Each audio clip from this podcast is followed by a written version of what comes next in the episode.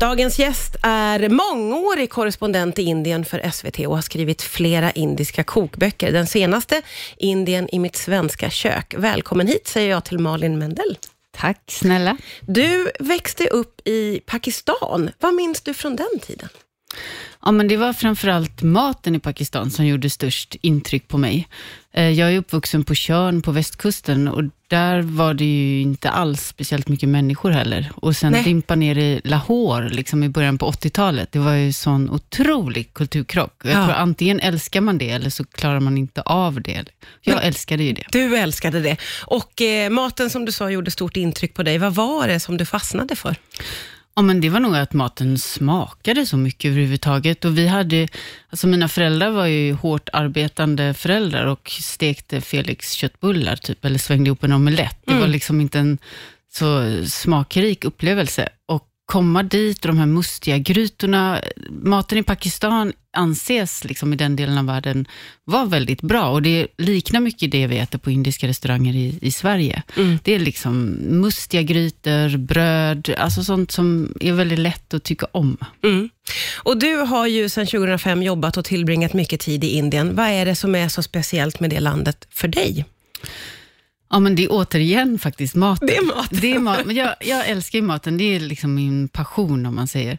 Eh, men det är också faktiskt, maten har ju varit en nyckel för mig att närma mig det här landet, att komma människor nära, att förstå eh, förstå mig på hela kulturen och samhället. För att om man tittar på en persons tallrik i Indien så säger den väldigt mycket om eh, vilken religion man har, varifrån landet man kommer, vilken socioekonomisk liksom, ställning man har och allting sånt där. Så att man lär sig väldigt mycket också genom maten och sen Indien är ju så, det händer så mycket. Det är så tacksamt land som journalist och eftersom jag filmar och klipper mina egna reportage så är det också, alltså man behöver ju typ bara ställa upp kameran så händer det grejer och det är färger och människor är väldigt eh, personliga och ja, men, härliga tycker jag att intervjua och ha att göra med överhuvudtaget. Ja. Och hur har du eh, utvecklats som liksom matlagare under dina år i Indien? Ja, men jag, eftersom jag pratar om mat med nästan alla jag träffar, eh, så blir det ju att, för att många är väldigt stolta över, säg att de bor i Mumbai, så eh, kanske de kommer ifrån Tamil Nadu i söder. Och då när någon vet deras mat och förstår sig på och kan rätter och så, så blir de ju så glada. Så att det är väldigt sällan jag inte till slut äter ihop med dem eller kommer hem till dem och, och får äta deras mat eller vara med dem i deras kök och sådär. Ja. Och det är så jag har lärt mig så himla mycket, alltså hur hemlagad indisk mat görs, som inte är den här restaurangmaten. ja, just det. För du har fått vara med hemma i folks kök. Mm, det är måste det bästa. Otroligt bra skola. Men jag tänker ett sånt enormt land och som du säger, så otroligt många regioner. Det måste finnas vansinnigt mycket olika mat och matkultur. Ja, alltså det är så olika. Om du tänker dig att Indien är som tre Europa. Om du tänker dig skillnaden på mat i Portugal, i Grekland, i Sverige, i Ja. Tyskland, i Frankrike. Alltså det finns ju alla varianter och det är ännu mer olikt i Indien. Ja. Idag gästas jag av eh, Malin Mendel som ju är korrespondent i Indien för SVT sedan många, många år. Och också matälskare och matlagare och har skrivit eh, flera indiska kokböcker, håller matlagningskurser. Eh, I den senaste boken så eh, tar du in Indien i det svenska köket. Hur gör man det på ett enkelt sätt? Ja, men det är faktiskt inte så svårt. För om man tänker sig indisk mat, eh, speciellt vegetarisk mat, det är många grejer vi känner igen. Det är mycket potatis, lök, kål, rödbetor, tomater. Alltså, Ja, det om man går igen. på marknaden i Indien så är det ju morötter och alla de där vanliga grejerna. Och sen är det lite saker man kanske inte känner igen också. Men, så jag har valt att utgå från, eh, från de här råvarorna som vi känner till och som finns. Och sen själva kryddorna. Eh, ibland tycker jag att när jag tittar i andra indiska kokböcker, att man kan bli lite avskräckt, för det är liksom så här, ja, nu, nu ser inte radiolyssnarna, Men en lång lista en, med... en halv meter lista med kryddor som ska mortlas och fräsas och Ja. eh, liksom rostas och sådär. Alltså jag tycker, är man inte en van indienmatlagare så behöver man inte börja där, utan Nej. då kan man ta lite malen spiskummi och gurkmeja och så, så blir det indiskt och sen kan man bygga på. Liksom. Så jag har utgått ifrån det man kan köpa i vanliga affärer. Ja, och sen ibland kanske det står något inom parentes som man om man är specialintresserad kan beställa eller så. För jag måste säga att jag kanske har en liten, någon slags fördom om att indisk matlagning är krånglig. Exakt, det är det folk har. Och jag vill ju avdramatisera det, för att indisk mat är ju snabbmat på många sätt. Om man gör en vanlig linsgryta, det tar tio minuter om man har röda linser som kokar snabbt. Mm. Och det, varje gång jag bjuder folk på den, vilket jag gör jämt, för det är liksom min to-go-to, så är de så här, åh vad gott!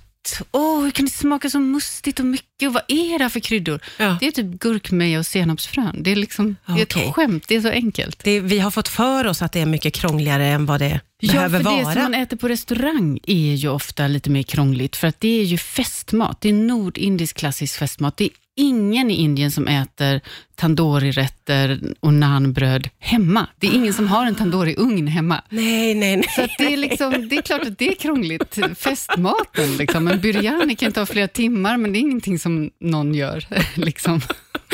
Makes sense. Men du, vad lagar du om du ska ställa till med fest då? Ja, ja, men jag älskar paner, den här indiska fest, eh, färskosten. Mm. Och eh, nästan alla svenskar jag någonsin frågar vad de gillar, så är det alltid palak paner. Ja. Eh, och den finns ju att göra på enkla vardagliga sätt, men den finns också festvariant som verkligen smakar sådär som eh, den gör på restaurang. Och eh, för första gången har jag faktiskt med det receptet i min nästa kokbok, som heter Ah. Currymamman. Ja, ja, ja, ja. För nu känner jag att jag har haft så mycket hemlagad indisk mat, för jag vill att sprida det och göra det enkelt. Men nästa bok känner jag att nu är det dags för festmaten. Ja, ja, den ska få komma. Ja. Det blir, vi får vänta in boken helt enkelt. Det är Malin Mendel som gästar idag. Vi pratar om eh, indisk matlagning och vi eh, pratade ju lite om festmaten. Nästa bok kommer att handla om den lite festligare maten. Men vardagsfavoriter då? Vad lagar du en vanlig tisdag? Ja, men då måste det ju vara den här dallen jag pratade om, alltså linsgryta. Det är väldigt få indiska måltider som inte har med dall. Om man tänker sig en indisk måltid, eller en thali-tallrik som du kanske har ätit någon gång, Mhm. så består den av flera olika rätter och alla de rätterna har en roll att spela. Det blir liksom en fin helhet. Och då, eftersom många är vegetarianer i Indien, så är linsgryta eh, proteinkällan. Liksom. Men i vårt ruggiga, kalla klimat så tycker jag att den här mustiga, goda linsgrytan är också perfekt som comfort food. Liksom. Ja, ja, ja, man behöver verkligen det. Man tittar ut genom fönstret nu, så behöver man den typen Mm. av mat faktiskt. Hur skulle du säga att man umgås kring mat i Indien?